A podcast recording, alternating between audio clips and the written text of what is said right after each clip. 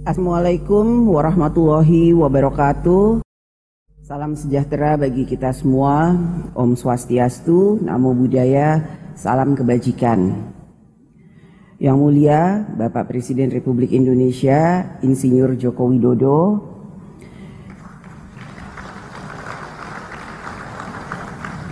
Yang mulia Bapak Duarte Pacheco, Presiden Interparliamentary Union IPU, Yang mulia para pimpinan lembaga tinggi negara, Ketua MPR, Ketua DPD, Ketua BPK, Ketua MA, Ketua KY, Yang mulia para pimpinan parlemen anggota G20 dan negara undangan, yang saya hormati Bapak dan Ibu Menteri Kabinet yang hadir pada kesempatan ini, serta Bapak Ibu hadirin sekalian, anggota Dewan yang saya hormati. Selamat datang di gedung DPR RI kepada para peserta P20. Gedung DPR ini memiliki sejarah yang panjang. Saat dibangun 57 tahun yang lalu, gedung ini pada mulanya berawal dari artikulasi semangat dan gagasan negara-negara Asia Afrika Amerika Latin saat itu untuk membangun tatanan dunia baru yang memberikan keadilan dan kesejahteraan bagi semua. Saat ini, tatanan dunia baru juga menjadi aspirasi bagi masyarakat global. Dunia baru yang lebih humanis, ramah, damai, dan indah. Semoga kehadiran kita parlemen negara-negara G20 juga dapat mengambil peran yang penting dalam membangun tatanan dunia baru dalam menghadapi gejolak ekonomi dan tantangan pembangunan ke depan. Merupakan suatu kehormatan bagi Indonesia dapat menjadi tuan rumah bagi pelaksanaan The 8 G20 Parliamentary Speaker Summit P20 tahun 2022 ini. Pertemuan ini bertujuan untuk menggalang kerjasama parlemen dalam mendukung agenda dan implementasi kesepakatan G20, khususnya dalam kerangka pemulihan global, pencapaian agenda pembangunan berkelanjutan 2030 dan mengatasi berbagai tantangan global lainnya. Kita bertemu pada momen di mana dunia baru saja menghadapi pandemi dan setiap negara sedang menjalankan pemulihan sosial dan ekonomi dari dampak pandemi tersebut. Kita menyadari bersama kondisi perekonomian global saat ini menempatkan setiap negara berada dalam kerentanan yang tinggi yang ditandai dengan lonjakan inflasi, respon kebijakan moneter, perlambatan ekonomi, konflik geopolitik, serta meluasnya stagflasi. Kondisi ini diperkirakan masih akan berlanjut pada tahun 2023. Di samping itu, kita juga masih memiliki sejumlah sejumlah agenda global untuk direspon melalui kerja-kerja nyata. Antara lain, isu-isu yang berkaitan dengan climate change lingkungan hidup, ekonomi hijau, ketahanan pangan dan energi, serta kesetaraan gender dan pemberdayaan perempuan. Pertemuan P20 menjadi sangat strategis karena G20 menguasai 85% ekonomi dunia dan memiliki 65% penduduk dunia. Sehingga aksi konkret G20 akan membawa dampak dan manfaat nyata tidak hanya untuk G20 tapi juga untuk dunia. Dalam menghadapi gejolak dan tantangan global ke depan, tidak ada satu negara yang mampu menghadapinya sendirian. Setiap negara membutuhkan kerjasama dengan negara lainnya. Masalah lokal dapat dengan mudah berkembang menjadi krisis global. Krisis global dapat berdampak pada kehidupan sehari-hari rakyat di berbagai negara. Oleh karena itu, setiap negara harus selalu memperhitungkan kemungkinan terjadinya krisis global dalam setiap pembuatan kebijakan di dalam negeri.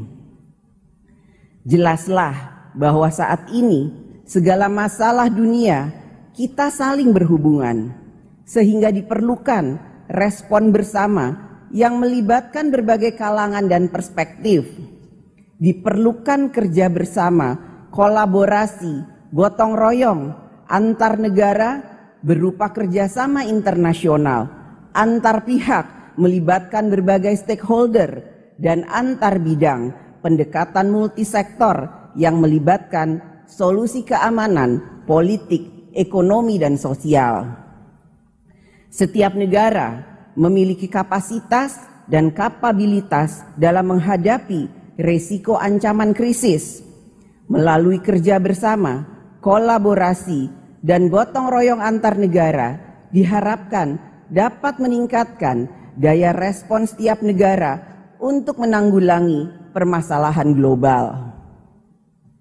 Hal ini dapat kita lakukan hanya bila kita memperlakukan sidang forum P20 ini dengan komitmen yang kuat untuk menyelamatkan nasib dunia yang ditentukan oleh keputusan-keputusan yang akan kita ambil. Masyarakat di seluruh negara memiliki harapan besar agar P20 berkontribusi dalam menyelesaikan berbagai gejolak dan tantangan global yang melanda dunia. Hadirin yang terhormat, P20 akan mengambil tema Stronger Parliament for Sustainable Recovery. Tema ini disusun sejalan dengan tema presidensi G20 Indonesia, Recover Together, Recover Stronger.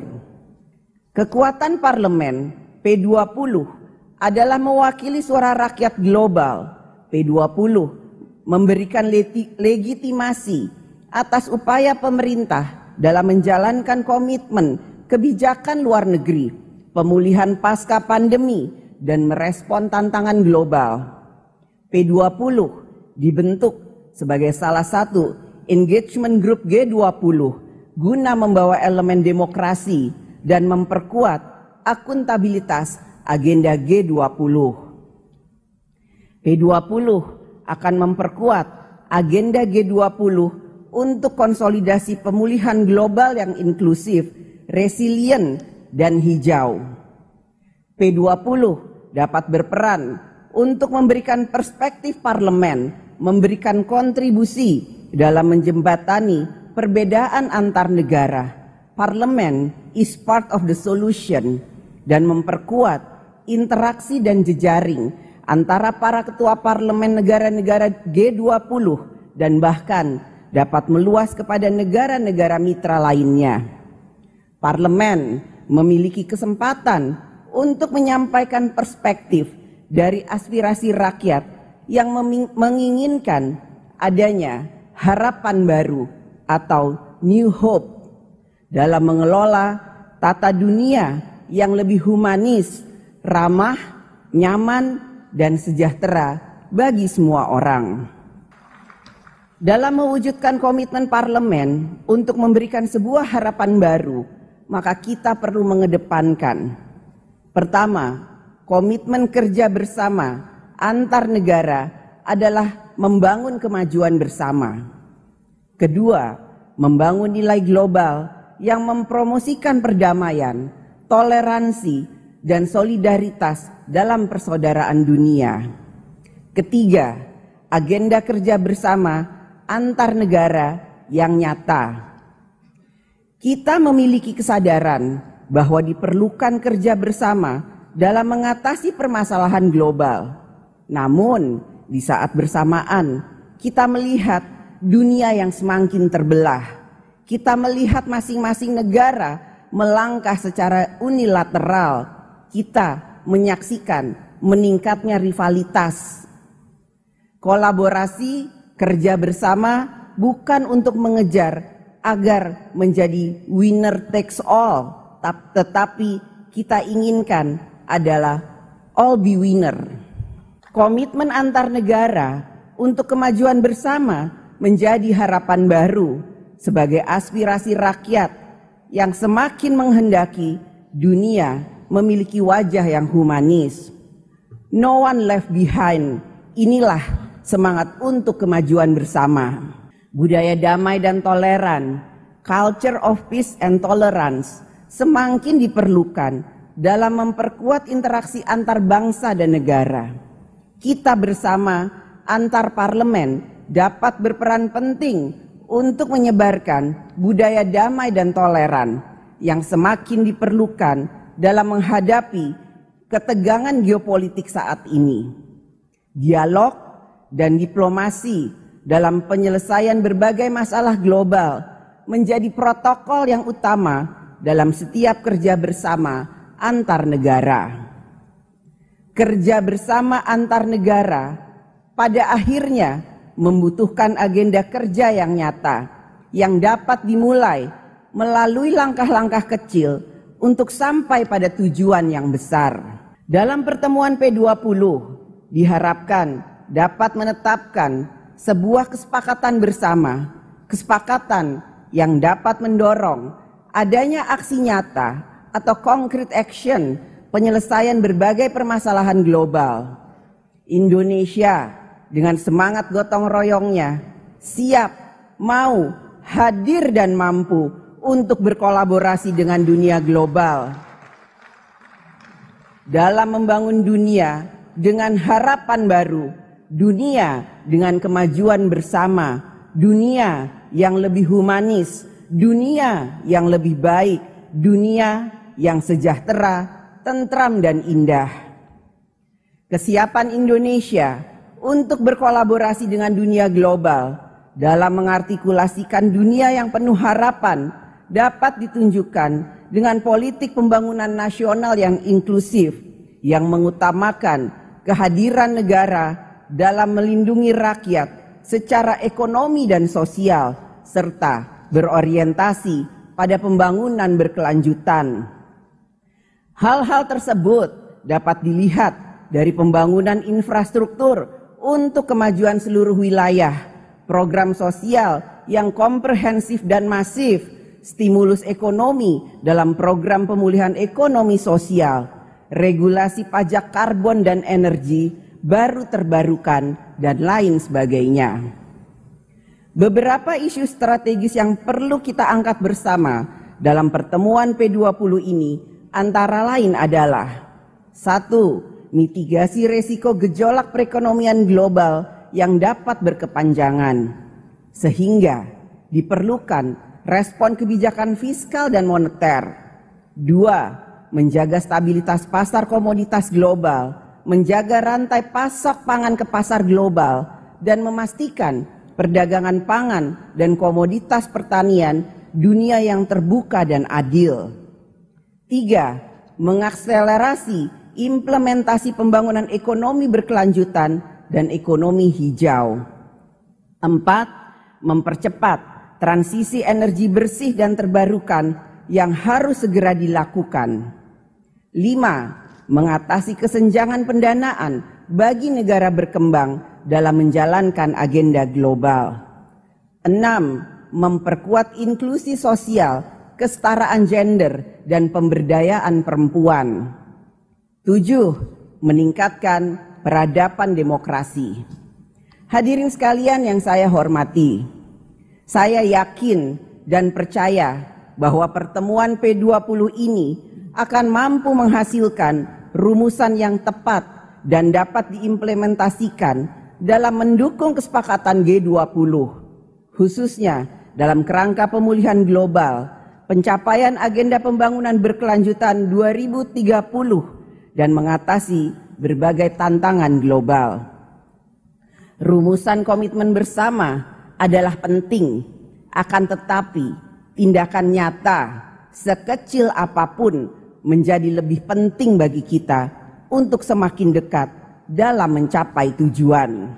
Coming together is a beginning, staying together is progress, and working together is success.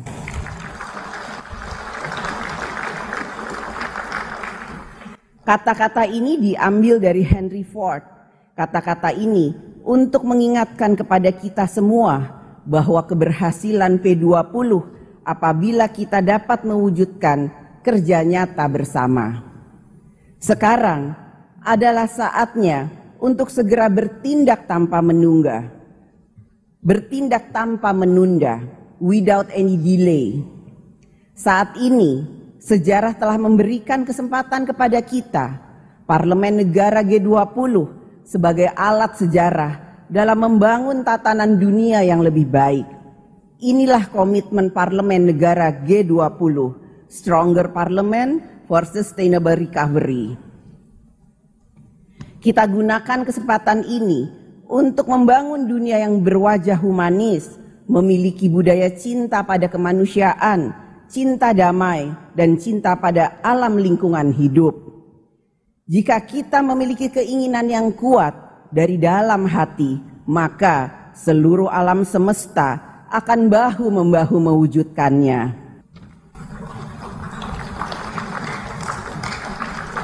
Make a better place for you and for me and the entire human race. One Earth for all. Terima kasih. Thank you. Wassalamualaikum warahmatullahi wabarakatuh.